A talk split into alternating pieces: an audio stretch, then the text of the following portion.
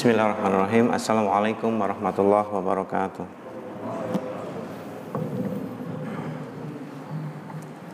Alhamdulillahilladzi hadana li hadza wa ma kunna linahtadiya laula hadanallah. Asyhadu an la ilaha illallah wahdahu la syarikalah wa asyhadu anna Muhammadan abduhu wa rasuluh. Mari senantiasa kita bersyukur kepada Allah Tuhan yang telah memberikan kita kenikmatan Tuhan yang telah memberikan kita nikmat sehat sehingga pada pagi hari ini kita dapat bermuajahah bersilaturahmi dalam rangka mencari ridho Allah yang mulia. Salawat dan salam semoga senantiasa tercurah ke suasana Nabiullah Muhammad Sallallahu Alaihi Wasallam para keluarga, sahabat dan para pengikutnya yang senantiasa istiqomah di jalannya hingga yaumul kiamah nanti. Bapak jamaah sholat subuh yang dirahmati Allah. Alhamdulillah pagi hari ini saya dapat hadir di Masjid Usman bin Affan untuk yang pertama kali.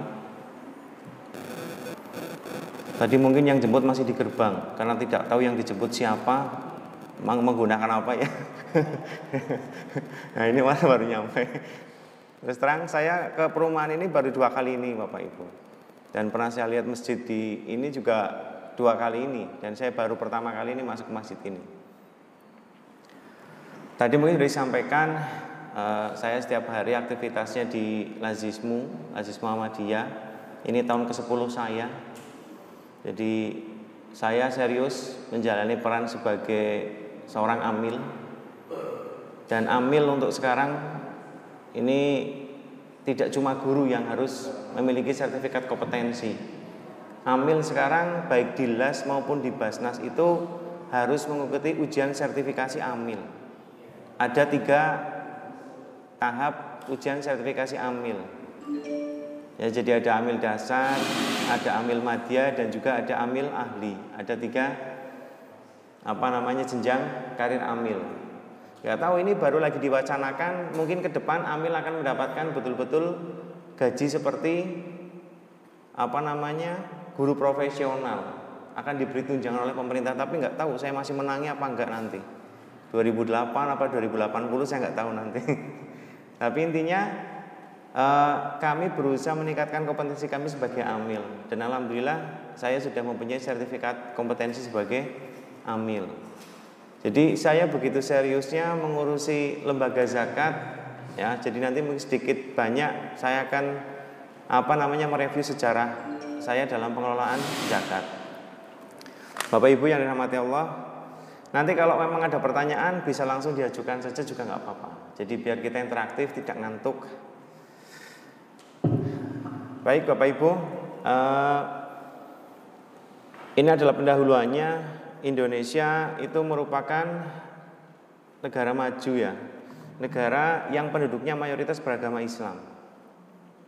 Namun dalam tatanan pelaksanaan ibadah zakat, banyak ketika saya pertama kali diajar materi tentang rukun Islam itu penyebutan zakat itu tidak nomor tiga tapi nomor empat ya. Sadat, sholat, puasa, zakat baru haji. Malah kalau sekarang itu mungkin dari mulai haji dulu. Haji terus kalau yang mampu ya nanti puasa baru yang lain. Karena orang haji itu kan sekarang tidak memandang dia itu sudah bisa sholat apa belum. Ternyata realitanya saya cerita dengan teman-teman KBIH banyak orang yang berangkat haji itu belum bisa baca Al-Quran. Belum bisa bacaan sholat. Itu terjadi. Itu jadi kebetulan keluarga saya dari istri itu tahun berapa itu juga berangkat haji. Tapi ternyata dia belum bisa baca Al-Quran. Bisa baca Al-Quran betul bisa tapi baca Latinnya tidak baca Arabnya. Itu jadi ketika saya kecil itu diajarkan syahadat sholat puasa baru zakat terus haji nah, tidak syahadat, sholat, zakat, puasa, haji. Memang hadisnya berbeda-beda. Ayat ada yang ada yang menyebutkan apa namanya, e, tapi zakat biasanya nomor tiga. Ya, puasa Ramadan, baru nanti ada yang menyebutkan zakat. Itu yang saya tahu tuh dari kecil begitu. Tapi ternyata setelah saya belum masuk ke bangku SMA, bangku kuliah loh kok berbeda sekali gitu. Pemanaan untuk zakat ini bukan di urutan nomor 4 Kemudian sebagian besar rakyat Indonesia masih berada di bawah, di bawah garis kemiskinan. Nah ini sebenarnya ini terkonstruk pikiran kita bahwasanya nek wong Islam ya berarti miskin. Ini juga sebenarnya tidak tidak membangun kita sebagai apa namanya eh, orang Muslim ya yang menjadi mayoritas di Indonesia. Tapi kenapa? Padahal banyak sekali. Saya itu berapa kali keluar Jawa itu yang namanya orang Islam ya banyak yang kaya gitu. Di Indonesia Timur, ini kalau di Indonesia Timur malah justru orang-orang yang hidup di pinggir jalan besar itu malah sebagian banyak kan orang-orang Islam dan juga orang Jawa. Jadi ada seorang rektor Universitas Muhammadiyah Gorontalo itu juga orang asli Banyumas. Kalau nggak salah Kobra ya kalau nggak salah itu rumahnya. Jadi orang-orang Banyumas itu luar biasa, ekspansi ke mana-mana. Itu yang apa namanya menyebarkan banyak virus kebaikan itu juga banyak dari orang-orang Jawa dan juga dari Banyumas. Kemudian sebagian umat Islam berada di bawah garis kemiskinan. Ya sebenarnya kalau disebutkan ya karena kita mayoritas ya otomatis angkanya paling tinggi. Sebenarnya kalau dibandingkan dengan yang minor itu mereka juga yang miskin juga masih banyak. Gitu. Jadi ini jangan menjadikan kita menjadi orang rendah diri. Kemudian zakat adalah rukun Islam yang ketiga merupakan ibadah harta yang bersifat sosial. Kewajiban bagi pemilik harta mencapai nisab untuk menunaikannya. Nah ini terkadang kita mau menunaikan zakat ini akan mempunyai masalah di nisab dan haulnya. Nah, zakat profesi ada yang setuju, ada yang tidak. Gitu. Ya, yang namanya masalah fikih itu pasti ada hilafiyah. Saya tidak akan cerita fikih di sini Bapak Ibu. Ya, jadi saya akan cerita itu implementasi zakatnya saja. Kalau ranah fikih biarlah ustadz-ustadz yang lebih mumpuni daripada saya akan bercerita tentang fikih. Ya, fikih itu memang bukan fikih itu adalah dinamis, ya. Jadi pasti akan berkembang mengikuti perkembangan zaman. Lah kalau fikih tidak mengikuti perkembangan zaman, ya tidak bisa kita ikuti. Ya zaman Rasul tidak akan ada mobil, hanya ada unta. Apa kita harus menggunakan unta sekarang? Saya belum sampai kalau dari rumah saya menggunakan unta ke sini. Itu misalnya begitu. Lah dalam tatanan pengelolaan zakat juga sama. Kalau zaman dulu malah lebih ekstrem itu zamannya Umar ya. Zaman Umar bin Khattab itu asnaf zakat itu mu'alaf itu ditiadakan. Sampai Khalifah Umar itu diprotes oleh para sahabat Nabi. Ya Umar, kenapa asnaf mu'alaf engkau tidak tidak ditiadakan? Loh, zaman Nabi itu kita masih lemah, kita masih butuh dukungan orang-orang Quraisy untuk mendukung dakwah kita, biar kita tidak diserimpungi. Loh sekarang kita kuat, kita punya kekuasaan ya tidak usah. Itu. Jadi pengelolaan zakat itu memang harusnya begitu. Mungkin banyak yang mengatakan sekarang Ibnu Sabil juga sama. Ibnu Sabil kalau dulu kan orang bepergian kehabisan bekal.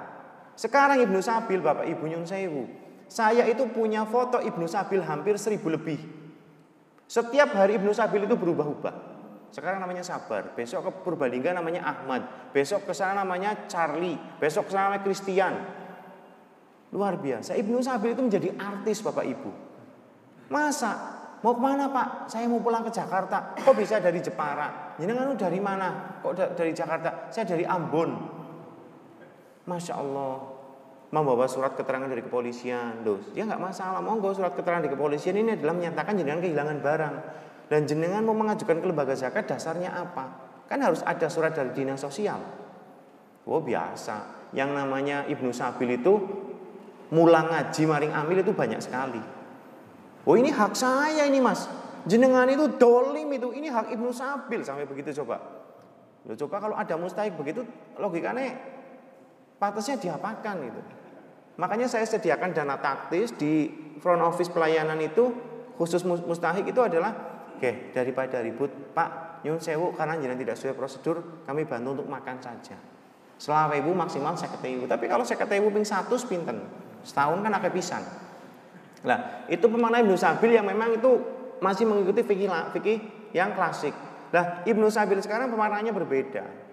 Ibnu Sabil sekarang itu dikatakan adalah satu, dia itu orang yang sedang belajar tetapi dia tidak punya biaya.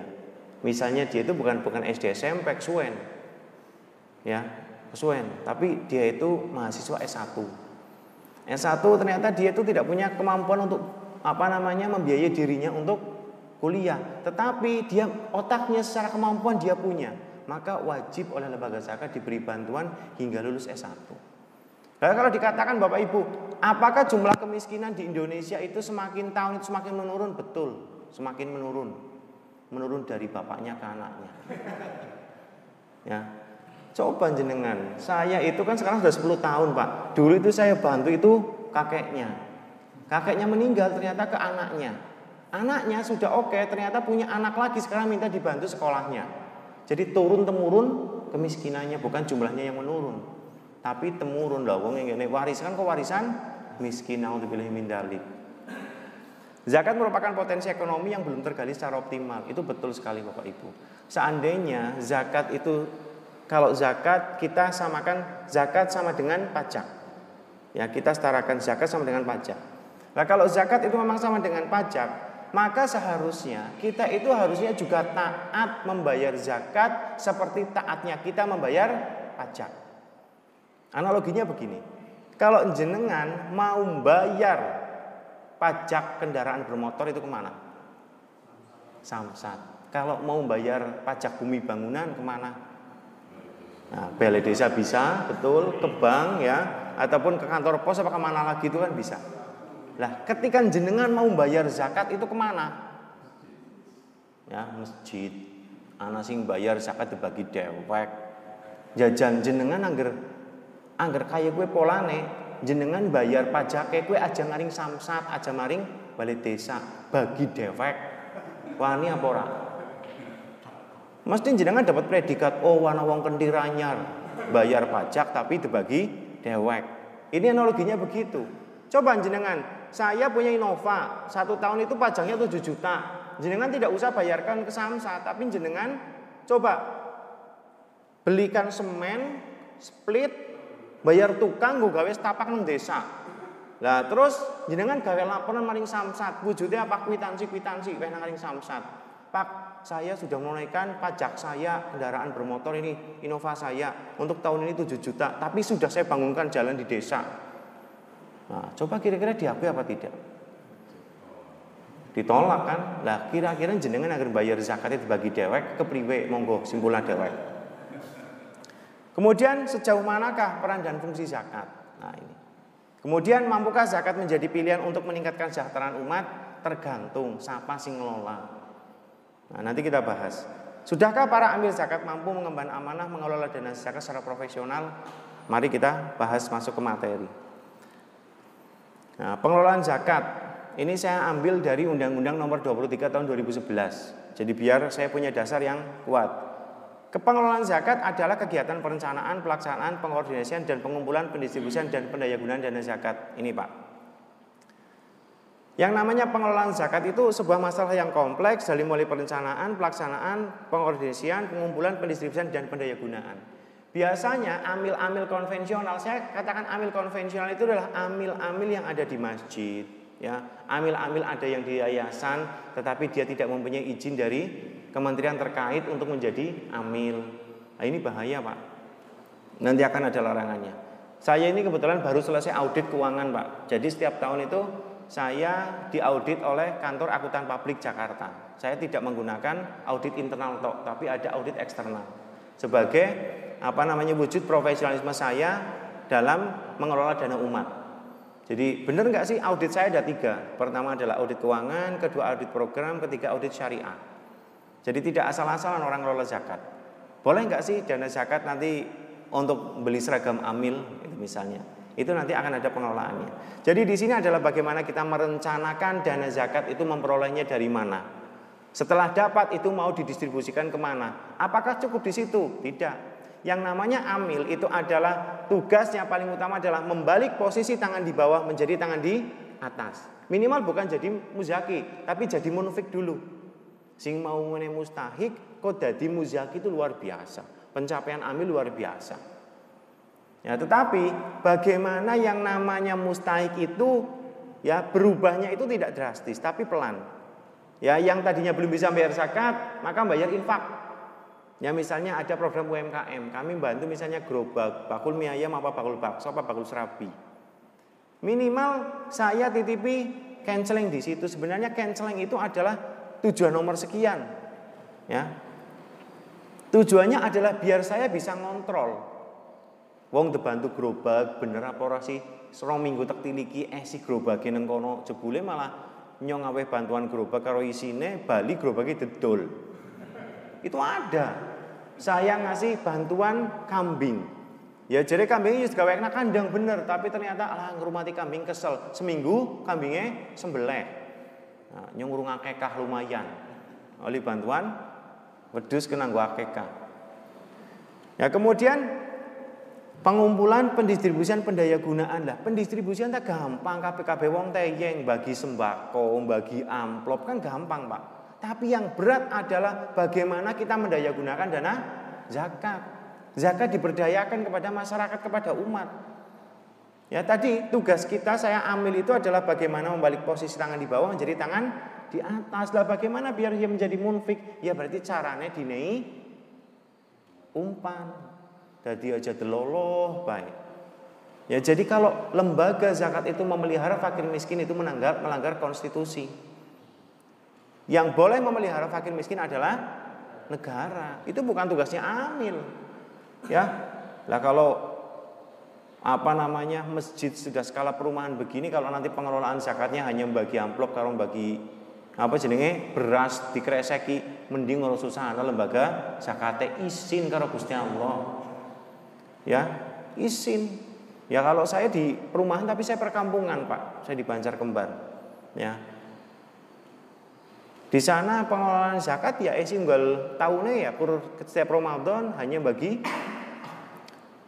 beras. Kalau bagi apa tok tidak ada program pemberdayaannya. Loh kalau saya di apa namanya Al-Aziz tapi tingkat daerah itu bagaimana pengelolaan dana saya itu adalah bukan cuma hanya untuk dana pendistribusian tapi bagaimana dana itu bisa termanfaatkan optimal sampai ke ranah ekonomi kami bergerak itu lima bidang pak ada pertama adalah pendidikan ekonomi sosial kemanusiaan dakwah ya itu ada ada lima bidang ada satu lagi itu lingkungan amil zakat kue ngosi bisa kepriwecanane menyekemakan nek ana wong jaluk bantuan bibit pohon. Lah fikih tegolet bingung nih Pak. Nek nyong awe bantuan bibit pohon sekang lembaga zakat, kue sekamane sekang duit apa, asnafe apa, bingung mboten? Bingung. Mulai dari ambil pada orang betah. Stres. Kalau dewan pengepah, dewan syariah ketungkul bentrok baik karena pemahamannya berbeda. Ya, jadi kudune antara Dewan Syariah, Badan Pengurus Eksekutif, kalau saya kan eksekutif. Jadi yang melaksanakan nyong boleh duitnya ke priwe, ya kan? Bagaimana mendaya gunakan, bagaimana menggunakan dana itu biar bisa dipertanggungjawabkan. Ya. Kemudian dasarnya adalah Quran surat At-Taubah ayat 60 dan juga 103. Ya, atau 60 itu adalah tentang pendistribusian.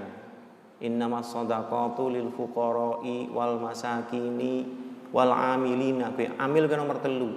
Jadi orang susah perwira anggar jadi duit zakat gue amil. Jangan melitakan gue garing grundel amil orang tuh jiot tapi ah jan nyong ya kita di duitnya keluarga kejiot gue tuh kersak ah gue jadi aja perwira.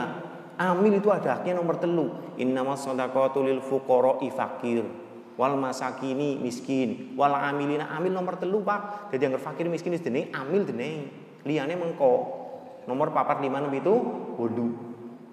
Itu. Jadi tidak boleh yang namanya asnaf itu kita bolak-balikan. Wal amilina fukoro iwal masak ini orang kena. Ya, amil dengan paksa berjurur apa-apa. Nah, jadi tetap fakir, miskin, amil wal amilina alaiha wal muallafati qulubuhum wa fir riqabi wal gharimina wa fi sabilillahi wa ibni sabil. Faridatan minallah wallahu alimun hakim. Jadi yang namanya pendistribusian dana zakat ya silakan urutkan asnafnya. Fakir miskin mas sabar bagaimana membedakan nek fakir kan wong ora duwe tempat tinggal, ora duwe pekerjaan, ora tahu nguripe awake dhewe fakir. Miskin wong duwe omah, duwe pegawaian tapi ora cukup go harian dan akeh nang perumahanku nesi akeh. Ya. Iya nganggone perumahan, rumah magrung-magrung jebule ngontrak. Gimana? Nah iya, yang jalan jenengan suka nganggo di rumah tipe 36 apa tipe pitung puluh 36 tapi rumah dewek pitung puluh ngontrak Angger nyong suka pitung puluh main dewek. Pilihannya kan kepenak nih. Kemudian ada undang-undang nomor 23 tahun 2011 tentang pengelolaan zakat ini menggantikan undang-undang nomor tahun nomor berapa itu tahun 99. Ya, kemudian ada peraturan pemerintah nomor 14 tahun 2014 tentang pelaksanaan undang-undang nomor 23 tahun 2011. Nah, asas dan tujuan pengelolaan zakat. Pengelolaan zakat berasaskan syariat Islam. Lah nek amil ya berarti kudu Islam. Ya caranya kepriwe? Nek nunjukkan dewek Islam apa karo KTP? Ya orang cukup KTP tok malah KTP langka status agama priwe. Ya. Amanah, amanah kuwi udu wong. Tapi amanah itu adalah sifat bagaimana amanah itu kata lainnya profesional. Ya, jadi saya itu ngelola zakat di daerah itu. Jadi saya itu kalau di Muhammadiyah itu punya banyak pimpinan ranting dan cabang. Cabang itu adalah di tingkat kecamatan, ranting itu desa wonten ranting apa cabang wis sing meglek-meglek yang namanya dana zakat itu tidak mau distorkan ke daerah. Padahal di, di daerah itu begini, Pak. Ada kantor layanan kalau di tempat saya, kalau Basnas itu UPZ, kalau saya itu kantor layanan. Kantor layanan setahun oleh duit selama juta. Terus mengajukan pendistribusian dana zakat ke selama juta ya tekweh namaning balekna. Balik gondok janjane aslinya. Tapi kalau kok pendistribusiannya dia minta lebih dari 25 juta misalnya ada pemberdayaan ekonomi sampai jadi 50 juta, saya berikan Pak. Jadi saya tidak punya keuntungan apa pun aslinya. Malah justru yang melas karo wong kantor layanan, karo wong masjid, Kenang apa? Nek jenengan ora dadi kantor layanan aku, apa ora dadi UPCD Basnas, mengko anggaran wong iseng laporan jenengan, ya otomatis juga terkena pasal karena di Undang-Undang Nomor 23 itu ada larangannya nanti, Pak. Jadi kemarin auditor saya itu kebetulan tinggalnya itu di Jakarta itu Pak Toha. Beliau juga di masjid itu mengelola dana zakat. Setahun itu sekitar 100 sampai 50 juta. Beliau tidak, beliau masjidnya umum. Akhirnya masjidnya itu menjadi UPZ-nya Basnas. Kenapa? Saya nggak mau mas. Zaman sekarang kan zamannya zaman edan. Nggak tahu nanti ada orang melakukan kebaikan masuk ke ranah hukum di jeblos penjara anak pora banyak Jangan sampai saya mengelola dana zakat tapi mengkona wong laporna iseng-isengan tapi jebule malah temenan yang kena usut pasal itu. Saya nggak mau. Saya makanya harus menjadi UPZ-nya Basnas ataupun kantor layanan dari lazisme ataupun lazisme. Itu. Jadi jangan mengelola dana secara liar. Kemudian kemanfaatan. Lah ini berarti seorang amil itu harus paham. Seorang amil itu harus mempunyai knowledge, pengetahuan tentang pengelolaan dana zakat. Aja asal-asalan. Kemudian keadilan. Lah keadilan ini bagaimana? Sekarang itu pola pola pikir masyarakat kita, naik sing dadi RT nyun sewu terutama, mesti pegapisan ngurusi warga. Tempat saya itu kalau mau ada bantuan sembako itu 45 kakak, naik nyung awes kang lebah zakat bingung. Wong gena wong miskine kurus sampai kakak, jaluke dene 45 kakak, ya jal. Mas, masalah bantuan tak urusan deleng miskin ataupun apa jadi orang miskin? Sing penting apa? Nyong budek dari RT ruwing. RT ini jadi senengan. Gimana yakin dari RT masya Allah. Jadi wong seneng banget dengan stempel miskin. Makanya di lembaga zakat saya kalau mau orang mengajukan itu SKTM itu saya tolak pak. SKTM apa pak? Surat keterangan tidak malu. Tidak malu jaluk. Loh jajal jenengan saya itu sebagai amil anak wong maring kantor nyong livenan mungkin sementong ya abang pisan. Parman kandel pisan. Gelang kroncong ke sekarang ini betul ini tenggo kabeh. Kok jebule maringan orang bayar zakat. Mas mau mengajukan bantuan. Ya Loh, kalau saya tidak punya harga diri begitu, anggun-anggune semplohe, jebule malah jaluk bantuan. Makanya SKTM tidak saya gunakan. SKTM itu kepala desa mau tanda tangan karena orang kepenak keluargane. Maning desa mbok terpilih maning periode esuk. Itu makanya saya nggak mau itu tidak objektif. Gitu. Saya tekankan kepada anak-anak yang melakukan survei. Neko survei, tulung, oke, aja takon karo wong etok. Anak sing lucu paning pak pas kalau saya itu metode asesmen kan ditanya sedetail mungkin. Tahu minum susu apa ora, minum susu, minum susu nih seminggu ping pira Bu? Ya unggal dina Mas. Apa minum susu apa Bu? Indomie lek. Langsung ngomong, Daging pripun buya dagingnya cokan agar kurban. Terus ayam pripun? Ayam tanya seminggu ya pindo mas. Itu kita tanya kemampuan dia dalam biaya. Jere sedina oleh duit selawe ibu kok bisa minum susu, bisa mangan ayam jere seminggu pindo ke duitnya siapa itu. Ternyata apa? Anu janjane mas dene tanggane. Kan bisa begitu itu analisisnya begitu. Jadi harus sampai matang. Kemudian kepastian hukum lainnya.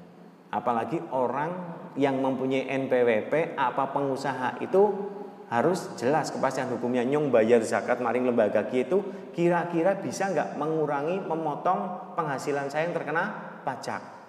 Itu kan ada pak. Jadi kalau lembaga zakat saya itu setiap tahun itu ada beberapa dokter ya. Dokter kan kalau sekali zakat 30 juta 300 juta 100 juta. Bahkan ada pengusaha itu baru-baru kemarin itu satu orang itu ngasih saya 500 juta. Nah ya jalan ambil masjid kayak gitu 500 juta meriang kayaknya sebulan sepisan full meriang baik kenang apa nyong dari 500 juta wingi ana donasi ya kan.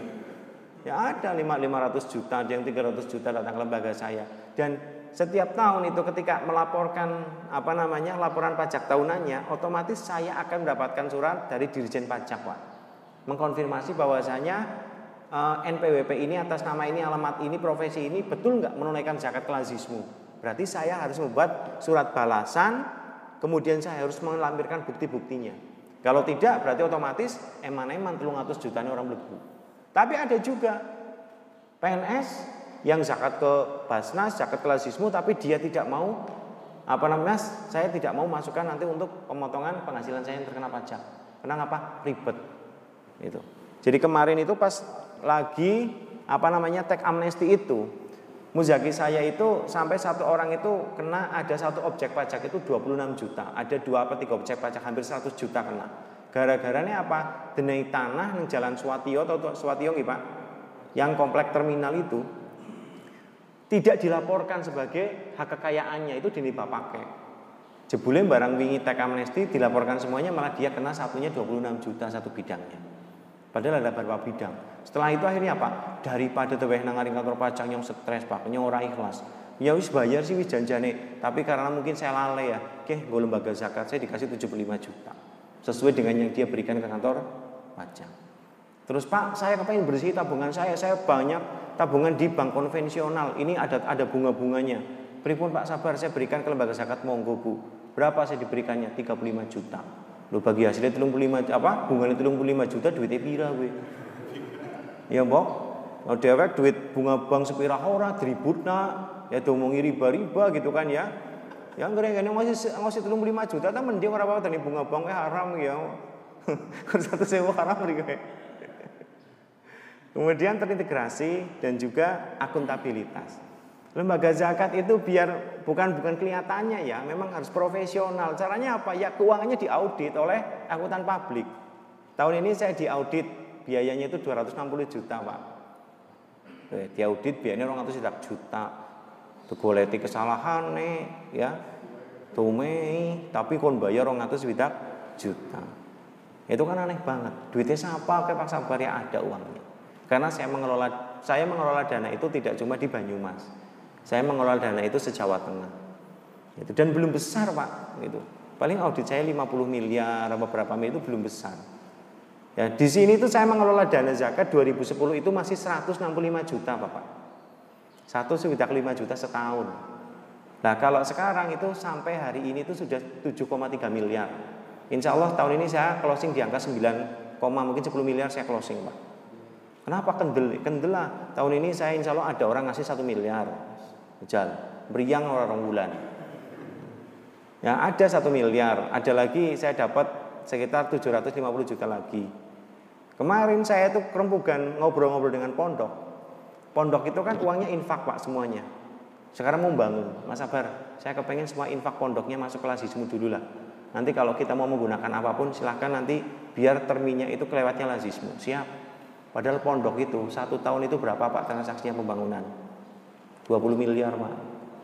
Nyong sugih banget bok tapi itu tidak bisa saya gunakan secara serampangan karena itu infaknya terikat. Itu jadi ada infak umum dan juga ada infak terikat. Lah satu pondok itu satu bulan itu bayar gaji satu saja berapa pak? 400 juta.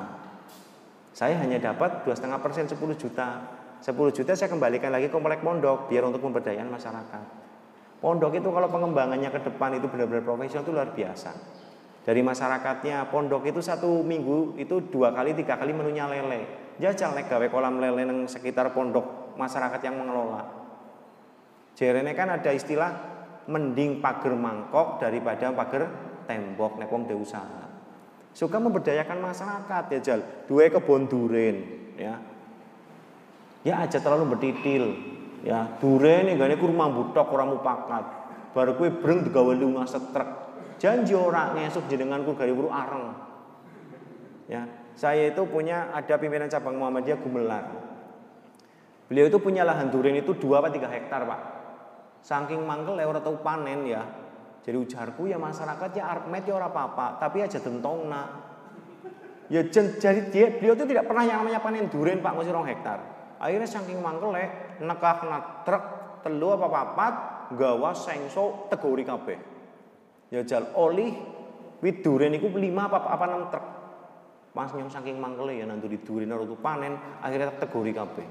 Nah istilahnya kita itu pemberdayaan. Jadi pondok pun bagaimana biar dia bisa memberdayakan masyarakat setempat. Men apa? Merasa memiliki pondok. Coba kita mengursuskan apa namanya orang situ. Nanti ke depan kita bikin konveksi. Mengunjahit seragamnya pondok kan luar biasa. Kau nandur kangkung ya iya kangkung sunting rongewo payu. Tapi nggak ngaring pondok mau sekali masak kangkung satu sunting. Unggal dina. Masak welok, masak terong. Nah, itu kan banyak banget itu bisa melakukan pemberdayaan. Materi ini dawa banget janjian ini gimana?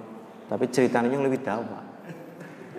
Nah, tujuannya adalah meningkatkan efektivitas dan efisiensi pelayanan dalam pengelolaan zakat, meningkatkan manfaat zakat untuk mewujudkan kesejahteraan masyarakat dan penanggulangan kemiskinan. Nah ini Pak, sekarang program pemerintah luar biasa, COVID malah luar biasa, singoli bantuan PKH, singoli bantuan apa maning?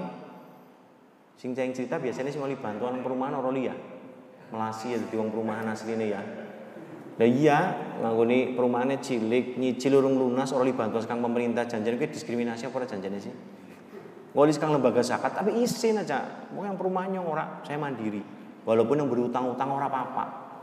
Itu. Zamannya Khalifah Umar bin Abdul Aziz itu bukannya tidak ada mustahik, tapi yang dibangun adalah mentalitas dari orang mustahik itu. Aweh ngaring gue aku, nyong padahal nyong ya butuh, tapi nyong ke isi ngari Gusti Allah. Kalau nyong peduli ngari tangganya aku. Saya insya Allah sudah cukup padahal nyong ini ora. Beras dua dina ben ora. Akhirnya ngaring sebelah sama. Akhirnya uang zakat itu kan tidak bisa didistribusikan, makanya didistribusikan ke tempat yang lain. Nah kalau sekarang zaman sekarang, Mas Sabar, uang zakat itu boleh apa tidak sih untuk bangun masjid? Boleh. Uang zakat itu boleh nggak untuk bangun gedung DPR? Boleh, misalnya. Misalnya itu kan ya. Oleh apa olih, gue pasar olih, tapi satu syarat bapak-bapak. Fakir miskin sudah tidak ada di muka bumi ini. Ya berat apa orang? Ya karena apa tugasnya kita dalam mengentaskan kemiskinan. Membalik posisi tangan di bawah tadi menjadi tangan di atas. Jadi mulanya karena wong pembangunan masjid, bangun sekolah, berbondong-bondong, berduyun-duyun maring lazismu, nyong tayo ora apa-apa. Lah yo ngajuk, nata ya saya terima. Masalah debantu orangnya kan tergantung anak dananya apa orang gimbotan. Ya itu jadi saya senang saja kalau orang mengajukan bantuan ke saya ya saya terima. Tapi kalau masalah mau dibantu tidaknya tergantung dananya ada apa tidak. Itu kalau ada infaknya itu infak umum banyak, ya saya berikan pastinya lah saya bagi-bagi. Itu satu masjid saya bantu berapa 5 10 juta. Tapi saya pernah bantu masjid paling besar ya di Kembaran. Saya dari pembebasan tanah sampai untuk ongkos tukang karena ongkos masjidnya kan langsung bantuan dari Timur Tengah. Tapi kan untuk bayar tukang itu tidak 100%. Saya membebaskan tanah waktu itu berapa ratus juta itu. Akhirnya ada orang ngasih 50 juta, 100 juta, ada berapa lagi. Itu. Kemarin baru kami dikasih tanah itu apa namanya e, oleh Pak siapa namanya Banaran, Sate Banaran. Itu kan minta dibangunkan Pak siapa? Iya, Pak Sahari mana itu yang di Tanjung itu yang di sebelah musolanya itu kan ada tanah kosong itu di tengah-tengah pabrik sama apa itu toko kasur itu itu kan ada tanah 587 meter itu diberikan ke Muhammadiyah minta dibangun masjid Loh masjid ngelore musola kan orang mungkin. Akhirnya apa? Pak Nyun Sewu, kalau tanahnya kita jual, saya mau bangun masjid di Batu Raden pripun, silahkan. Jadi orangnya saya diberi kuasa untuk menjual. Saya sudah siap untuk beli tanah di perumahan Batu Raden. Batu Raden kalau turun itu sebelah kiri jalan ada masjid enggak? Tidak ada. Nah, saya mau beli tanah di sana untuk diadakan masjid. Sehingga ketika orang turun itu minimal juga bisa mampir maring masjid. Pinggir jalan tapi luar biasa. Batu raden karo kota lebih rarang batu raden regane. Itu luar biasa.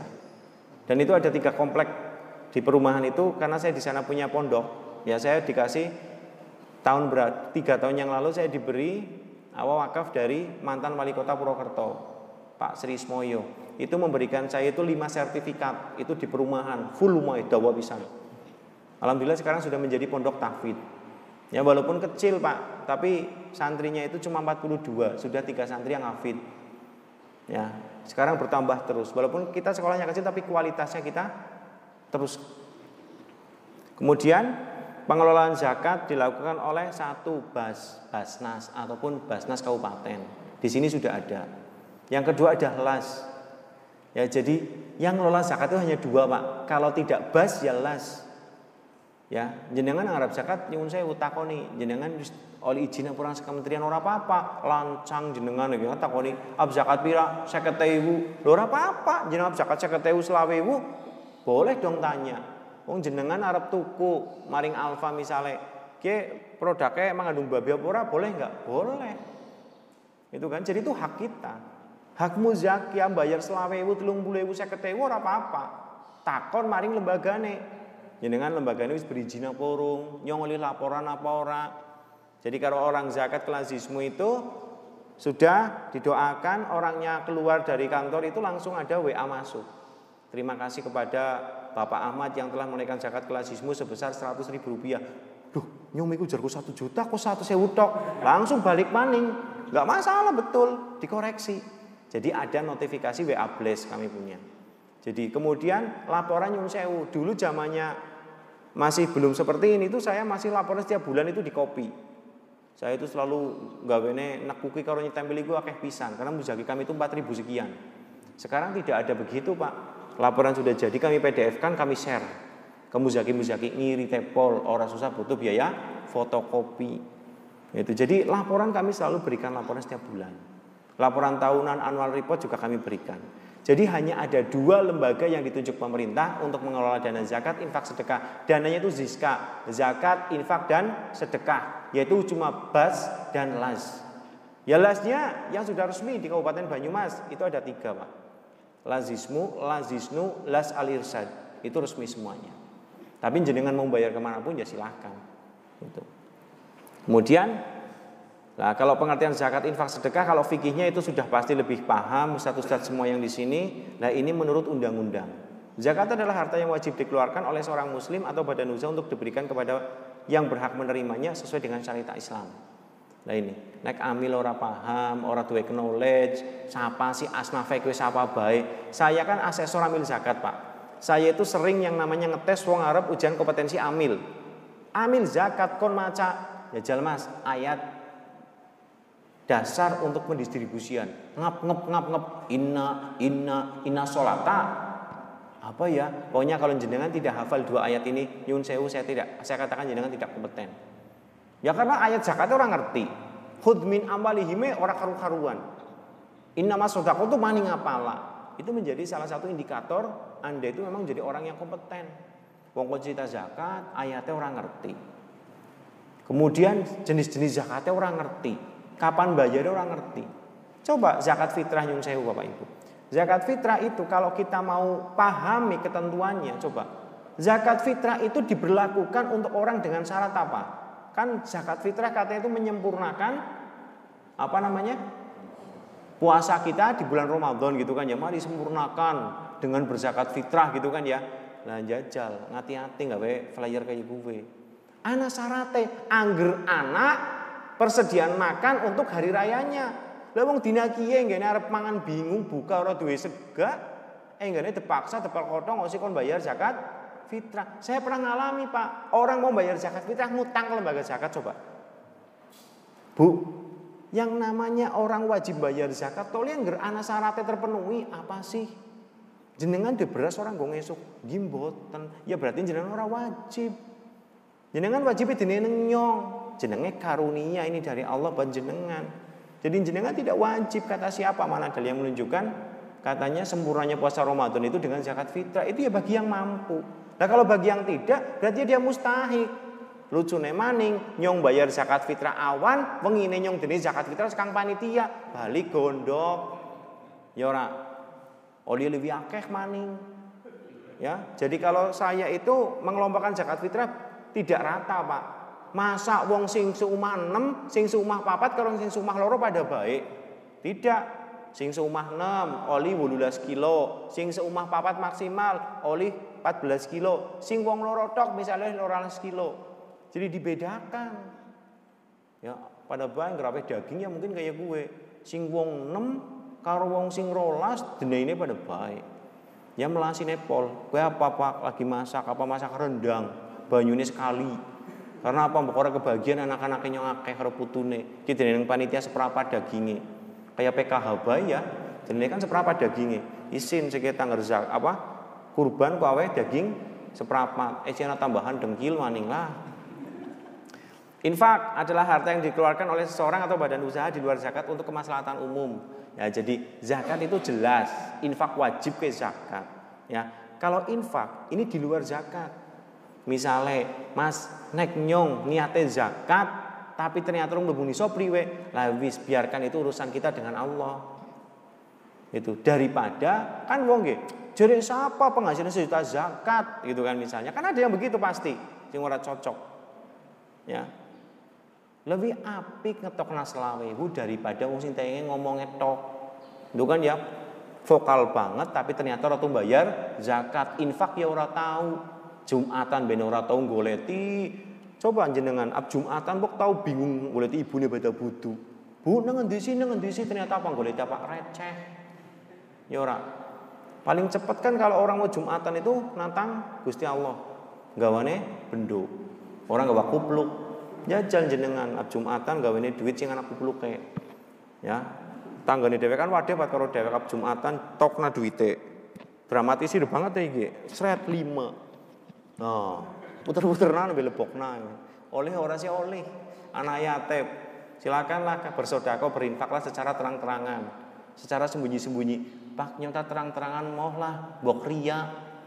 Nah, jebule malah nyonta ya Pak infak insya Allah orang tua nasi ngerti tapi diceritakan forum unggal dina nyok lebok nang masjid atau siwu tapi nyok ora pamer pak lah pada baik ya jadi kalau kita tuh niatnya syiar orang apa-apa ya berlomba-lomba dalam kebaikan orang apa-apa nyok ora pakai senen saking nyok sentimennya kalau pakai senen kau ini berlomba-lomba utang-utang gue infak nah, itu juga bahaya nah kemudian sedekah sedekah ini biasanya wujudnya non harta bapak ada orang bangun masjid, tukang becak maring ini hati-hati. Ah, paling ngarep numpang nguyuh tok. Ya enggak. Anak tukang becak mlebu masjid karena masjid saya kan di Dokter Angka itu langsung di dekat depan geriatri ya. Sering yang namanya tukang becak masuk ya, awalnya nyongkai gue. Ternyata apa? Jen, mlebu kamar mandi, adus, ganti kelambi, sarungan, ternyata enggak kresek kelambi bersih. Kayak nyong malah sekang lapangan, sekang ngendi, sing penting gari Ah wudhu sing penting malah kayak luar biasa tukang becak.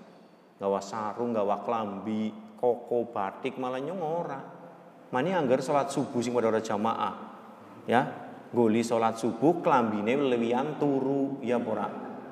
Ngaring masjid ya kelambi sing turu, ngaring masjid dia mau serang-serang apa ternyata keringetok. Lah ya kalau tidur kan panas ya, mesti kelambine masih teles. Subuhan sedikit jam 4, Masya Allah. Subuhan kok orang pakat teman jam 4 ya kan. Nah, ya, ya di tempat saya itu paling gak asik Pak. Jam 4 kurang 10 bisa dan Pak. Baru puji-pujian 10 menit bapaknya yang butuh masjid ya wis komat. Itu. Jadi nunggu ramane yang teka. Imam orang teka-teka ya nembe komat. Nah makanya saya setelah sholat baru saya ke sini. Pagi Senin aku sholat neng boleh dewek lah. Jam 4 itu tengah papat kalau ngaringnya ini kayak sahur ya saurora. Oke, pengumpulan dana zakat silakan bisa melakukan penghitungan sendiri ataupun bisa melakukan konsultasi ke amil ya. Kemudian zakat yang dibayarkan oleh muzaki kepada Basnas atau Las dikurangkan dari penghasilan kena pajak. Tetap dikurangnya dua setengah persen baik pak. Orang gadang jenengan zakatnya 10 persen ya tetap. Jenengan kok zakatnya 10 persen berarti jenengan ada penerimaannya disembunyikan. Asem lah, kena maning gitu kan. Jadi pokoknya pemerintah itu pinter lah. Jadi urusan minta di pemerintah. Kemudian bahasa satu las wajib memberikan bukti setoran zakat kepada setiap muzaki. Jenengan kan nggak awe zakat infak kue wajib jaluk bukti setoran aja mboten usah mboten usah melitak temen. Ya, pokoknya orang susah. Minta berapapun jumlahnya itu sebagai wujud akuntabilitas dari lembaga. Jenis jenis kwitansi ini biasa. Ya, dibayarkan kepada malah nggak salah maning. Minta kwitansi yang resmi dari lembaga zakat, ditandatangani minta didoakan, Pak. Ya, hak yang jenengan itu ada didoakan. Ya, jadi ada hak didoakan. Apa namanya? Jadi ada ayat yang menjelaskan jenengan itu ada wasoli alaihim. Ya wasoli dan mendoalah untuk mereka itu haknya muzaki. Jaluk didongak. Nah apa jenengan duit hajat disebutkan boleh. Mas nyongke bayar zakat, eh bayar infak mas rong atau sewu, tapi nyong kepengin bisnisnya nyong lancar oleh rong miliar, Kira-kira oleh apa? Oli jeruk dong kayak gue. Mas nyongke mudah-mudahan anaknya pada sehat, anaknya lagi ujian dimudahkan. Gipak. Minta didoakan boleh. Mas tapi dongannya diartikna ya ora apa-apa denyang. Ya jal jegos apa ora mile gitu kan. Loh ya betul jenengan didoakan ajarokallahu fi ma aqaita wa baraka fi ma abqaita waj'alhu laka tahuru. Ngerti artinya apa ora? Orang ngerti, amile kon ngerti janji ora gelagapan. Kayak kue tok kan ngerti. Ajarokallahu semoga Allah memberikan pahala atas apa yang berikan, memberikan barokah atas apa yang masih di tanganmu dan menjadikannya istri baru. Amin. Oh, salah. Menjadikan pembersih bagimu. Amin. Karena ngerti doa, ini ngerti artinya luar biasa. Saya itu awal-awal di Lazis dulu itu ada dokter sering bayarnya 5 juta, 5 juta, 5 juta sering banget. Mas saya minta doanya diartikan nyong pucet pak urung ngerti artine. Untungnya nang mejane nyong niko anak donga tek Nyong macane khusyuk banget madep ngisor jebule nyong maca. Aja ya pokoknya nggak wong tua itu saya doakan panjang pak. Dari alhamdulillah tertambah donga apa donga selamat donga apa pun padahal doa intinya itu. Tapi nek wong tua didongakna semakin dawa semakin seneng. Tapi aja aja aja salah dong. Allahumma firlahu warhamhu wa ngafidam ini kabeh. Oh, wamile pancen orang ridonga firlahu ini diwaca. Oke, kemudian bukti setoran zakat sebagaimana di ayat ayat 1 digunakan sebagai pengurang kena pajak. Lah pendistribusian zakat wajib didistribusikan kepada mustahik sesuai dengan syariat Islam.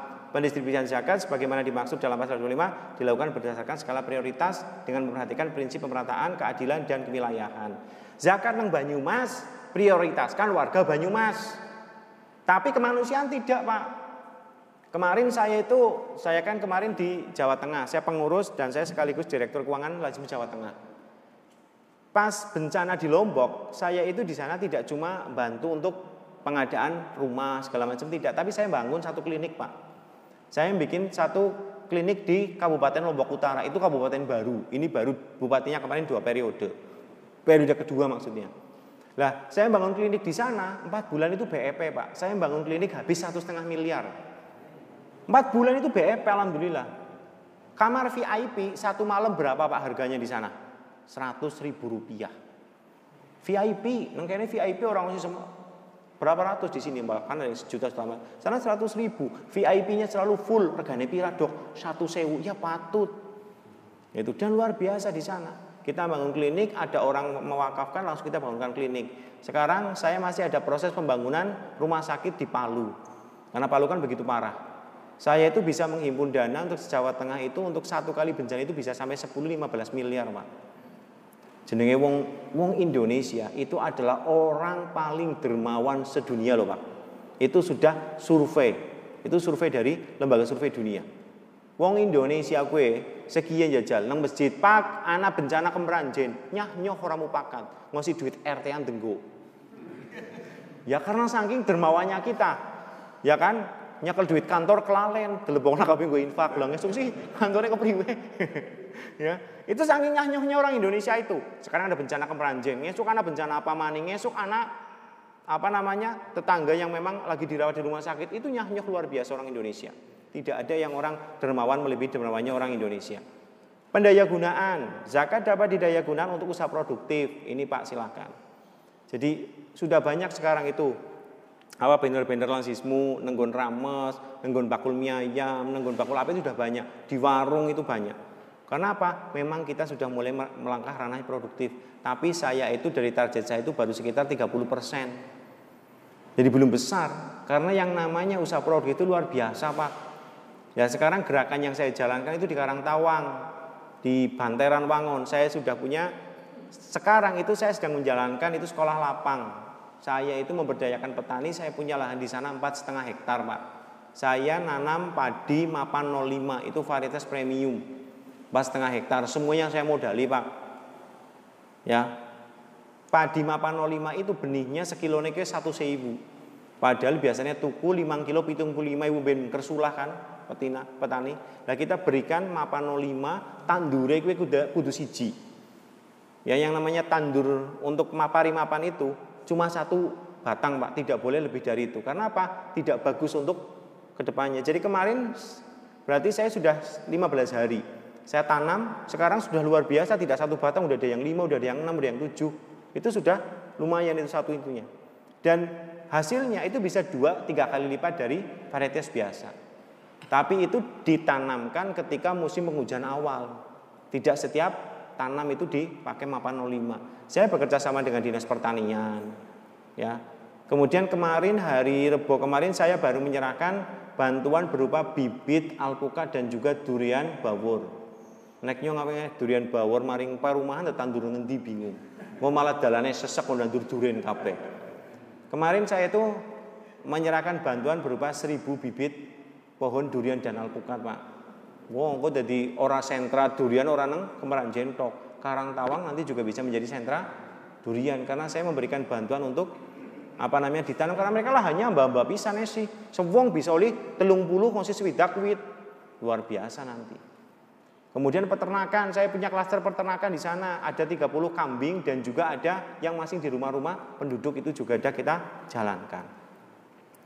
Pendaya gunaan zakat untuk usaha produktif sebagaimana dimaksud ayat dilakukan apabila kebutuhan dasar mustahik telah terpenuhi. Janjane lembaga zakat ke oli. Setahun dentong nanggo tuku beras KB oli. Gun go fakir miskin tok oli, tapi kan miskinnya itu akan selalu begini terus.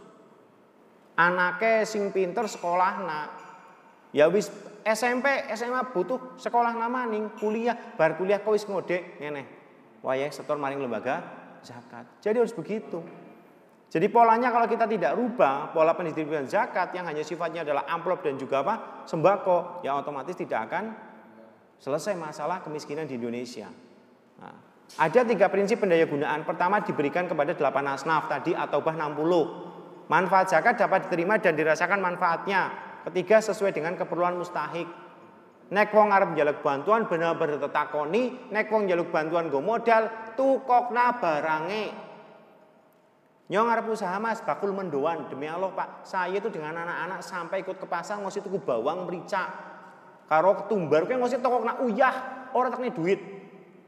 Ya. Jadi saya memberikan bantuan berupa apa pun itu harus wujudnya barang yang diminta.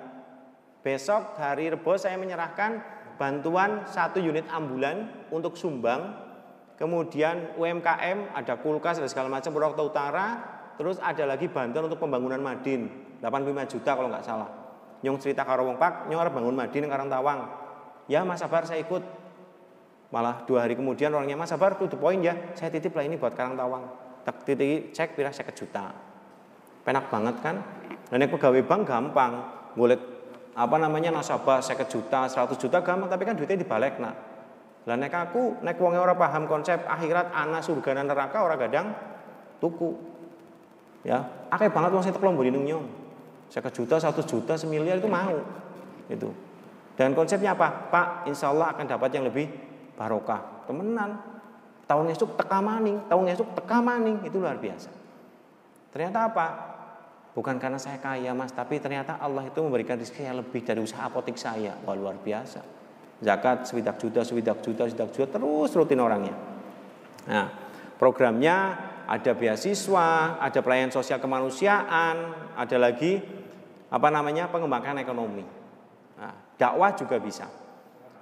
Kemudian prosedurnya orang mengajukan pembayaran itu bagaimana kita melakukan studi kelayakan. Jadi ada ajar singgung, jenengan jaluk bantuan maring lembaga zakat, desurvey aja tersinggung wong jenengan arep utang maring bank ben desurvey nggih mboten. Ada lima cekan karakter, kapital, kolateral, apa maning itu kan. Kemampuan jenengan gue nyicil, duitnya sekarang ngendi. Insya Allah mas, nyong tahu utang 100 juta ki dua anggaran, sekarang ngendi. Engkau adalah kuburan. ya, misalnya begitu. Jadi jelas diukur lah. Ketika saya survei ke tempatnya orang yang mau di apa minta bantuan itu ya juga ditanyakan sedetail mungkin. Tapi saya tidak perlu tanya kan ada keadaan rumah, genteng, tembok. Masa saya tanya Pak Isna nyun sewu jenengan umai si gedegan gi? Nah, ora perlu, itu kan coba centang-centang centang. Pak Isna jenengan melasi teman iku atape taksi rumbia. Kayaknya langka nggih umah zaman segi ya. Tapi tetap ada Pak. Jadi umah Pak Masya Allah. Tembok itu udah tembok Pak. Deklit. Yudnek deklit rapat mending. Deklit ngertos apa orang deklit kayak terpal lah terpal tak kapiken deklit nih kok kandi dek jahiti sambung-sambung tapi seorang butuh wis pada rogol pak niki wonten kucing melebet senes kucing mali kebong yang melebet niki mas lah ya umam melompong terus jadi jangan takmir masjid itu jangan suka berprasangka buruk kepada jamaahnya. Dua lingkungan. Jebule kayak kayak wong anaknya bodoh temen ya wong ngerti orang masjid jebule barang ditelusuri apa? Kue wong unggal dina di musim udan orang duwe listrik. Anaknya mulai bodoh karena orang tahu sinau. Masjid bar maghrib kan bingung arep apa wong ora duwe lampu ora duwe TV ora duwe ngapa. Akhirnya turu mangsa udan ternyata apa wong kuwi nggoli mayu anaknya turu ngosi jam telu tengah apa tembe terang tembe teng turu mulane orang tangi teyeng subuhan itu pernah saya alami loh pak pak niki sih gak nopo jadi anak kamar telu orang tengguni kabeh. Wong bukannya pram, bukan apa banyune punya banyune netes, tapi melebu gembraja karena langkah gendenge. Betul itu Pak terjadi. Terus niki nopo Pak payung? Lah niku anggar pas anu nggih kula payungan uli turu karo bocah-bocah. Masya Allah. Itu terjadi Pak. Mulai anggar wong ora tahu kayu kowe jen gampang lah nyong sih perumahan tapi jenengan cobi melebet dengan kota pun di sini sing ora mupakat anak. Saya itu pernah ngalami wong siji, wong wadon uripe dhewe kan turune nang ngendi Pak? Nang dhuwur paceran. Jadi rumahnya itu ada sumur. Ruang tamu ngarep buri nggak turu karo ngisor kayak paceran, Pak. Masya Allah, saya ingin telangsan orang mupakat kepriwe carane ki wong gini. Saya punya pasien layanan 6 bulan. Saya itu punya pasien kemarin awal tahun itu masih ada 8 apa berapa. Sekarang itu tinggal satu pak. Mereka sembuh semua dari hidupnya. Menghadap Allah Subhanahu Wa Taala. Lo yang hade cuci darah. Anak sing cuci darah mati ini orang karena penyakitnya. Anak sing mati karena nyemplung maring kali serayu. Ada. Nah, hati-hati pak. Ya, cerita nih. Jadi wong kenang niku Terus gawene nek ambulane kuro lagi nganter yang lain itu kan tidak bisa. Akhirnya nyarter ngaring Koprades. Kebetulan wong Sawangan, Pak, jingkang mriku. Ternyata supir Koprades karo bojone sing lanang kan sing sing lanang sing larak. Cokan Indohoy karo supir Koprades supir Koprades bojone setruk. Lah niate ki wong loro arep nikah. Sing siji kena apa ginjal, gawene cuci darah, sing bojone Koprades kena setruk. Ngerti selingkuhan, Wonge metus kang omah kanggo mikro melayu maring rawalo anjlok. Mati ini bukan karena ginjalnya. Nah itu hati-hati selingkuhan itu luar biasa pak. Ya di dalam kemiskinan, di dalam apa penderitaan itu bisa terjadi perselingkuhan begitu. Lucu maning wong sing bojone mati malah perintah ngaring wong sing dampingi anaknya maning ge bojone eh udah anaknya bojone. Bojone iki kepriwe rewel apa sih? Rewel pisan. Lah tinggal bojo maning besi genah. Dajal untung ora tinggal pateni besi ngono ora alhamdulillah. Itu ada Pak terjadi. Hati-hati. Jadi mungkin karena jangan sampai yang namanya telinga kita itu pura-pura tidak mendengar tetangga kita merintih karena lapar. Pura-pura tidak melihat tetangga kita mau bayar SPP tapi tidak punya uang untuk bayar SPP. Tolong jadi takmir masjid kalau mengelola dana diasah kepekaannya jangan sumum bukmun mumyun fahum ina ilaihi wa ina rojiun. Ya iya ngelola dana umat, anak tanggane ya anak tangga orang ring masjid pendekatannya malah pancen orang mupakat murtad apa kayak wong nah, langsung kita apa menjustifikasi begitu tidak boleh. Karena apa? Permasalahan di seputar kita luar biasa, Pak. Ya. Jadi silakan buka mata, buka telinga ya untuk tetangga di sekitar kita. Menetapkan jenis usaha produktif, melakukan bimbingan dan penyuluhan, melakukan pemantauan, pengendalian, pengawasan dan juga mengadakan evaluasi dan juga pelaporan. Nah, kewis garis sidik maning Pak, kan betul jam 6 kurang seperempat pas. Tenang Pak, urusan nambah biaya gonyong. Ya, pendaya gunaan zakat yang dikumpulkan. Janjinya Pak Senin pesan kulo bulan wingi Pak. Yang si bulan wingi di Pak Senin Semarang. Saya kemarin ke Semarang. Lah Pak Senin bulan ngesuk berarti aja akhir bulan. Karena besok Jumat saya ke Jawa Timur sampai hari Selasa. Alhamdulillah Pak. Ya jadi amil itu rezekinya luar biasa. Saya begitu menjadi amil dulu itu gaji saya 400 ribu Pak. Ya, sebelum itu saya pernah menjadi amil, itu gaji saya itu waktu itu ya sekitar di atas 10 juta lah Pak. Saya kepala toko waktu itu. Begitu saya keluar dari kepala toko, malah udah diambil gaji ini 400 ribu Pak demi Allah. 2013 saya nikah. Saya hidup di Pondok Indah Mertua. Nah, sekarang saya sudah dibikinkan rumah pribadi. Alhamdulillah garasi ini Pak, tapi nyurung dua mobil. Nah, tapi mobil kantor rakyat pisan Pak, jadi saya boleh make. Fasilitas dari Allah itu luar biasa. Ya saya mau pakai yang double kabin apa mau pakai yang ada kerandanya? Loh saya punya semua. Saya mau pakai Innova pasien ada pak. Ambulan saya itu sekarang insya Allah di lembaga zakat saya terbaik. Saya punya ambulan Innova pak. Jenengan kalau mau daftar silahkan sekarang boleh ke saya. Ya ambulan jenazahnya saya juga ada pak. Pasien dengan jenazah saya pisah. Jenengan mau daftar kapan saya terima Bok mau inden boleh tenang pak mau jam 3 jam 1 malam jam 1 pagi siap kalau butuh dimandikan oleh saya juga saya siap. Demi Allah, saya itu ada orang perumahan itu mana? E, sebelah barat saya itu. Dulu sebelah baratnya Ustadz Umar Sahroni itu mana Ustadz? Perumahan apakah Baitul Arkom sebelah Purwakencana. Loh, jam satu Pak, jam satu pagi Pak, rodok-rodok rumah. Yang saya udah pripun? Anu nyuwun kok wonten yang meninggal ke kepripun? yang disucikan. Kapan? Seniki. Aja kayak kue pak. Bok masuk angin belum maksudnya pripun? Bentak maring nyong. Rika mau disi wong mati ya wene Rika masuk angin ora susah ngesuk baik asem jadi tapi langsung saya berikan edukasi. Nek wong mati wengi anggar ora langsung dikubur ora usah didusi. Mati jam 8 malam. Kalau langsung dimakamkan silakan dibersihi disucikan langsung dimakamkan tapi kalau belum mau tidak usah pak karena apa yang namanya bakteri ketika orang meninggal itu tidak mungkin akan kering kan orang mandi itu tidak kering. Kalau kita kan habis mandi lap-lapan garing awake. Tapi kalau orang mati itu tidak, Pak. Ya, saya itu pernah yang namanya terakhir itu yang saya sebelum pandemi kan Pak Rektor itu UMP meninggal. Itu kan saya mensucikan. Jadi kalau ada orang meninggal sore-sore itu jam 8, jam 9 malam mau dimakamkan kapan? Besok jam berapa? Jam 10. Kita mandikan pada subuh. Kenapa? Bok masuk angin, prika sing ngedusi. Jenazah aja tak apa ngono. Karena apa? Otomatis bakteri pembusuk itu akan cepat. Nah terus kalau ada orang meninggal misalnya dia itu karena meninggalnya paru-paru segala macam itu ada treatmentnya pak. Pokoknya pernah pas waktu itu orang meninggal apa itu paru-paru nggak bisa pipis nggak bisa apa. Coba itu mending kepalanya itu dibungkus pakai anduk apa dikasih plastik sekalian. Loh maksudnya kepriye loh mati kan dibungkus plastik pun ora apa-apa kan? Nggak mau pak. Sampai ke pemakaman itu kerandanya itu mengeluarkan darah banyak banget netes. Kenapa Pak? Jenazahnya itu muntah, darah itu keluarkan. Itu sudah saya bilangi. Coba di sini dibelebet pakai krom terus dikasih plastik biar tidak ada keluar apa pun. Orang andel wong nyongcok nangani jenazah, orang percaya. Jadi kayak nang film Indosiar persis itu Pak. Digawa netes getiye. Dikira kenapa? Jebule muntah itu. Jadi apa namanya? Jenazahnya muntah. Itu apalagi di bawah Sakang Purwokerto ngaring di misalnya Jogja, otomatis kan mual dia ya. itu ada treatment Pak untuk orang-orang yang memang apa namanya jenazah-jenazah khusus. Ada orang meninggal, saya itu pernah treatment apa namanya kena kanker ya, kena apa tumor apa sini kan busuk Pak. Itu saya itu ketika memandikan itu Yun Sewu itu sampai saya itu buangi belatung Pak, suci Lah wis rampung, duhur kencot pisan Pak. Aku mampir warung madang padahal mau bubacin Pak awake. Tapi kencot ya yus kong kepriwe maning.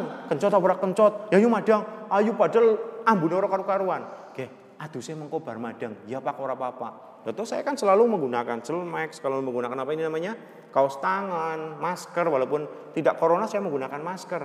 Ya kita menggunakan itu. Tapi biasanya kalau saya datang ke sebuah tempat mau ngerawat jenazah, sing pertama harus senang siapa? Kayime. Dikira nyong ngarep jot jatah kayim. Padahal apa bar gue, Pak, nyun sewu gini kita kerjasama, nyong ngarep Bali, tek nerong atau saya ibu. Wow, wongnya cium tangan mari ngaku. Nyong teka sedurung nyong budul kayime wis iki cengar-cengir. Nyong langsung ketok. Cium tangan langsung. itu. Jadi saya kerjasama dengan Kayim itu ketika belum kenal dengan saya itu orang enak banget raine. Oke, wong arep jalan pangane nyong nggih. Padahal nyong siap amplop, hati-hati Rika gitu. Jadi dakwahnya saya tetap sampai ke sana ya. Tujuan saya itu sampai Kayime juga senang nerima tamu, monggo monggo. Lho Pak Kayim temen iki nggih, niku mun wonten tim, enak banget. Kaget Pak, Pak sabar bawa apa? Saya bawa kotak jenazah. Pas Pak Subur apa ya meninggal, Pak Subur Widadi itu meninggal kan saya memandikan. Baru 15 menit meninggal. Pak Toha pripun? Pak sabar, saya ini pripun? Mau dimandikan kapan? Kalau medis 2 jam Pak Toha. Tapi kalau mau sekarang boleh. Boleh sih Pak, jenengan silakan. Apa? Konfirmasi konsultasi ke dokter sama ke perawatnya. Boleh. Saya memandikan itu jen masih apa namanya? keringat anget. Baru sedan itu masih keringat anget. Jadi saya itu sering memandikan pejabat-pejabat, Pak. Ya, jadi mau luar biasa memandikan khusus pejabat. Bayarannya ngertos pinten Pak kulo, saya pernah diberi infak 15 juta satu orang, Pak. Padahal apa? Free semua. Coba kafannya dicek lazismu dengan punya rumah sakit bagus mana? Pak terjamin bagus punya lazismu. Oh iya, benar Mas, pakai punya lazismu. Ini apa Mas? Ini bidara. Lo biasanya kita pakai apa? Kayu cendana, langkan sunah, anaknya bidara. Saya pakai bidara. Terus ini parfumnya apa? Jangan pakai kolon pak, alkoholnya. Manggo apa? Saya ini punya kasturi. Wah luar biasa lengkap teman lah sismu. Duitnya siapa? Duitnya umat. Itu dari umatnya buat umat untuk merawat jenazah. Jadi kita punya perlengkapan, mulai ngosi. Saya itu kalau ke makam itu nggak bawa wireless. Tak siap na wireless, pak nek orang yang dua kabel seket meter, tak colok nang ring sapa sing ora. Bungun wireless. Itu saya siapkan semuanya. Gitu. Jadi biar apa? Ya memang untuk melayani untuk kematian ya harus sempurna. Makanya saya menawarkan ke jenengan, mau inden jenazah apa mau inden pasien. Silahkan nanti tanya nomor saya ke Pak Isnen. Nah ini Pak terakhir, larangannya. Setiap orang dilarang melakukan tindakan memiliki, menjaminkan, menghibahkan, menjual dan atau mengalihkan zakat infak sedekah, dana sosial keamanan lainnya yang ada dalam pengelolaannya. Saya itu tidak boleh yang namanya dodol ambulan, ke orang kena. Ya, saya itu tidak boleh ngutang-ngutang dana zakat. Dana zakat tidak boleh diutang-utang tapi deweh-weh nak. Ya pora. Nah, jenengan agar simpan pinjam karo dana zakat berarti wis menyalahi kaidah undang-undang dan juga syariat. Dana zakat kok ini diutang-utang dana zakat harus diberikan. Yang kedua, setiap orang dilarang dengan sengaja bertindak selaku amil zakat, melakukan pengumpulan, pendistribusian atau pendayagunaan zakat tanpa izin pejabat yang berwenang. Nek ora duwe izin sekarang Kementerian Agama aja wani-wani. Kalau di sini masjidnya umum, perumahan, silakan jadi UBZ-nya Basnas, aman.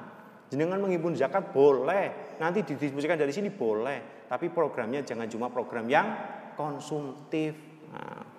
Nah ini ada beberapa dokumen pemberdayaan lazismu Banyumas, Pak. Nah, ada perkebunan, pertanian, perikanan, peternakan.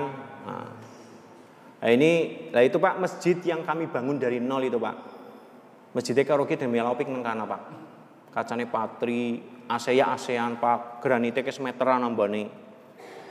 Terus di sana kita punya lahan, ada lahan di belakang masjid itu dua setengah hektar. Itu lahan kami semua untuk pemberdayaan masyarakat. Kami punya lahan jeruk satu hektar, tanah wakaf. Di sana karena ada tanduri apa dadi, tanduri wong jadi kuburan. Ya kan? Tanduri rumah kok jadi perumahan. Wong tanah wakaf ora kena. Akhirnya tanduri jeruk satu hektar. Kemarin baru panen perdana dapat tiga ton. Tapi itu kurang optimal, harusnya dapat 5 ton. Karena wongnya senengnya kue tanduran tumpang sarine. Nandur kedele, nandur apa nih akhirnya jeruknya ora pati di gatek. Nah, tapi sekarang sudah kita yang mati-mati kita berikan tanaman alpukat. Nah, ini tanam ya, nah, kita memberikan biaya studi. Sekarang saya punya 64 mahasiswa yang saya kuliahkan, Pak. Nah, wong nyekolah nawung siji ning masjid gubus boy. Ya kan? Anak sing cocok anak orang cocok. Oh nggak apa kok di sekolah na lah nyong nyekolahna sewidak pat pak. Di Sudan empat eh di Sudan lima. Kita berikan biaya ke Sudan. Ada lagi yang di Mesir. Ada lagi yang di UMP, Unsud, IAIN, UNU tahu rungana kayaknya. Terus kampus-kampus yang lain. Ya bukan karena saya bukan bukannya karena saya lembaga zakat Muhammadiyah, tapi langkah sing ngajukna. Itu. Terus ada lagi ini audioton ini alat bantu dengar. Nah, ini bedah rumah, Pak. Bedah rumah lazismu ini sebelum dan ini sesudah, Pak. Ini tidak direka-reka, Pak, temenan. Jadi bedah rumah saya itu saya tidak didramatisir. Kita buka satu, dua, tiga tidak usah. Bedah rumah kami di Lazismu itu satu unitnya 20 juta. Tapi itu di luar pandasi, saya tidak mau mandasi. Pandasi saya serahkan ke RT atau ke ranting atau keluarga. Nyong harap bantu warganya Rika. Rika nyiapna pondasi 5 ping pitu 5 kali 7. Nanti rumahnya itu gendenge soka pancasan terus apa namanya temboknya itu pakai hebel hebel full muter terus nanti dalamnya itu pakai kalsibot rangkanya kayu dan nanti kita floor plus ada kamar mandi dan WC. Kue rong puluh juta tanpa ada potongan administrasi. Weh Pak, priwe. Dan yang melaksanakan itu tim bedah rumah lazismu bukan saya Pak. Saya tidak punya kuntung, saya tidak punya keuntungan apa pun. Dia itu dulu itu hanya penjual rumah bekas, tapi setelah saya beri pas nyong dua proyek lazismu pira setahun nyong dua patang puluh unit, patang puluh ping rong puluh pinten Pak. Bok bulung juta, Nah, saya cairkan per besok menggarap berapa? 4, kita cairkan 50%. Berarti 80 kita cairkan 40 juta dulu. Itu terus begitu. Alhamdulillah sekarang tuh tahun ini sudah 30 berapa rumah. Kita apa namanya? Untuk lah ini mualaf gerobak itu tuh semuanya kita yang belikan, Pak. Ya, kabian anak tremos, anak sendok, anak panci, itu kok anak kabeh. Nah, ini ambulan, ini untuk kantor layanan tambahkan kita berikan. Besok itu untuk sumbang Besok itu Lexio insya Allah sudah ada mobilnya. Kalau jenengan mau pakai boleh. Saya tawarkan lah ini di belakang masjid ini ada kolam lele ya lele karena kalau pas kemarau angel banyunya angel diandegna tapi modalnya itu tetap dipegang oleh takmir masjid. Jadi yang dimanfaatkan adalah hasilnya aja depangan karo modale dodol rames ora tahu masak ngomah akhirnya rames entong depangan dewek Kan begitu, sama seperti ini. Ya, ini saya kerjasama dengan dinas pertanian, peternakan, perikanan itu saya kerjasama. Ini panel kedua. Nah, ini dengan kepala dinas pertanian. Ini saya kerjasama dengan pemerintah bangun apa nanam 4000 pohon. Kita bantu 1000 pohon waktu itu. Nah, Tani Bangkit kita program ini selalu. Insya Allah besok Februari kita juga panen raya empat setengah hektar Nah ini kandang kambingnya Pak, ini sih 30 ekor. Ya ini apa namanya kerjanya itu jamaah bareng-bareng. Nah ini aja apa namanya bengkel motor kita bantu ada apa namanya warung kelontong. Nah ini lahan jeruknya Pak satu hektar. Ya jenengan kalau mau berkunjung bisa. Tapi yang pas orawe, ngarawe tong tong nak. Ya ini Pak yang saya tawarkan, yang di yang silver itu jenazah, yang ini Innova untuk pasien silakan nanti bisa WA ke saya. Ya. Ini kantor saya kalau belum pernah ke kantor saya, saya di lantai dua. Ini ambil-ambilan zismu, ya. Kemudian nah ini ruangan saya. Terus, nah ini khusus orang mau mengajukan bantuan ini Pak, kantor pelayanannya. Jal, nek lembaga zakat kayak kira-kira mungkin percaya apa ora? Mau saya ngelola zakat buru-buru nganggo parfum, mambu kelek, bujik, ya kan? Donga ya ora teyeng. Mana yang ada percaya? Ini khusus untuk mustahik, Pak. Orang bayar tidak boleh ke sini. Orang bayar orang lebih apik gue ngarepe. Gitu. Tapi pelayannya sama. Ya berakses segala macam. Karena apa? Tempat pembayaran dengan orang mengajukan itu kita pisah biar tidak timbul kesenjangan, Pak.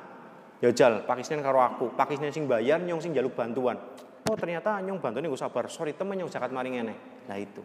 Jadi kami pisahkan. Bayar itu di depan di gedung yang tadi lantai dua. Kalau yang meminta di belakang bukan diskriminasi tapi kan tetap ruangannya seperti ini.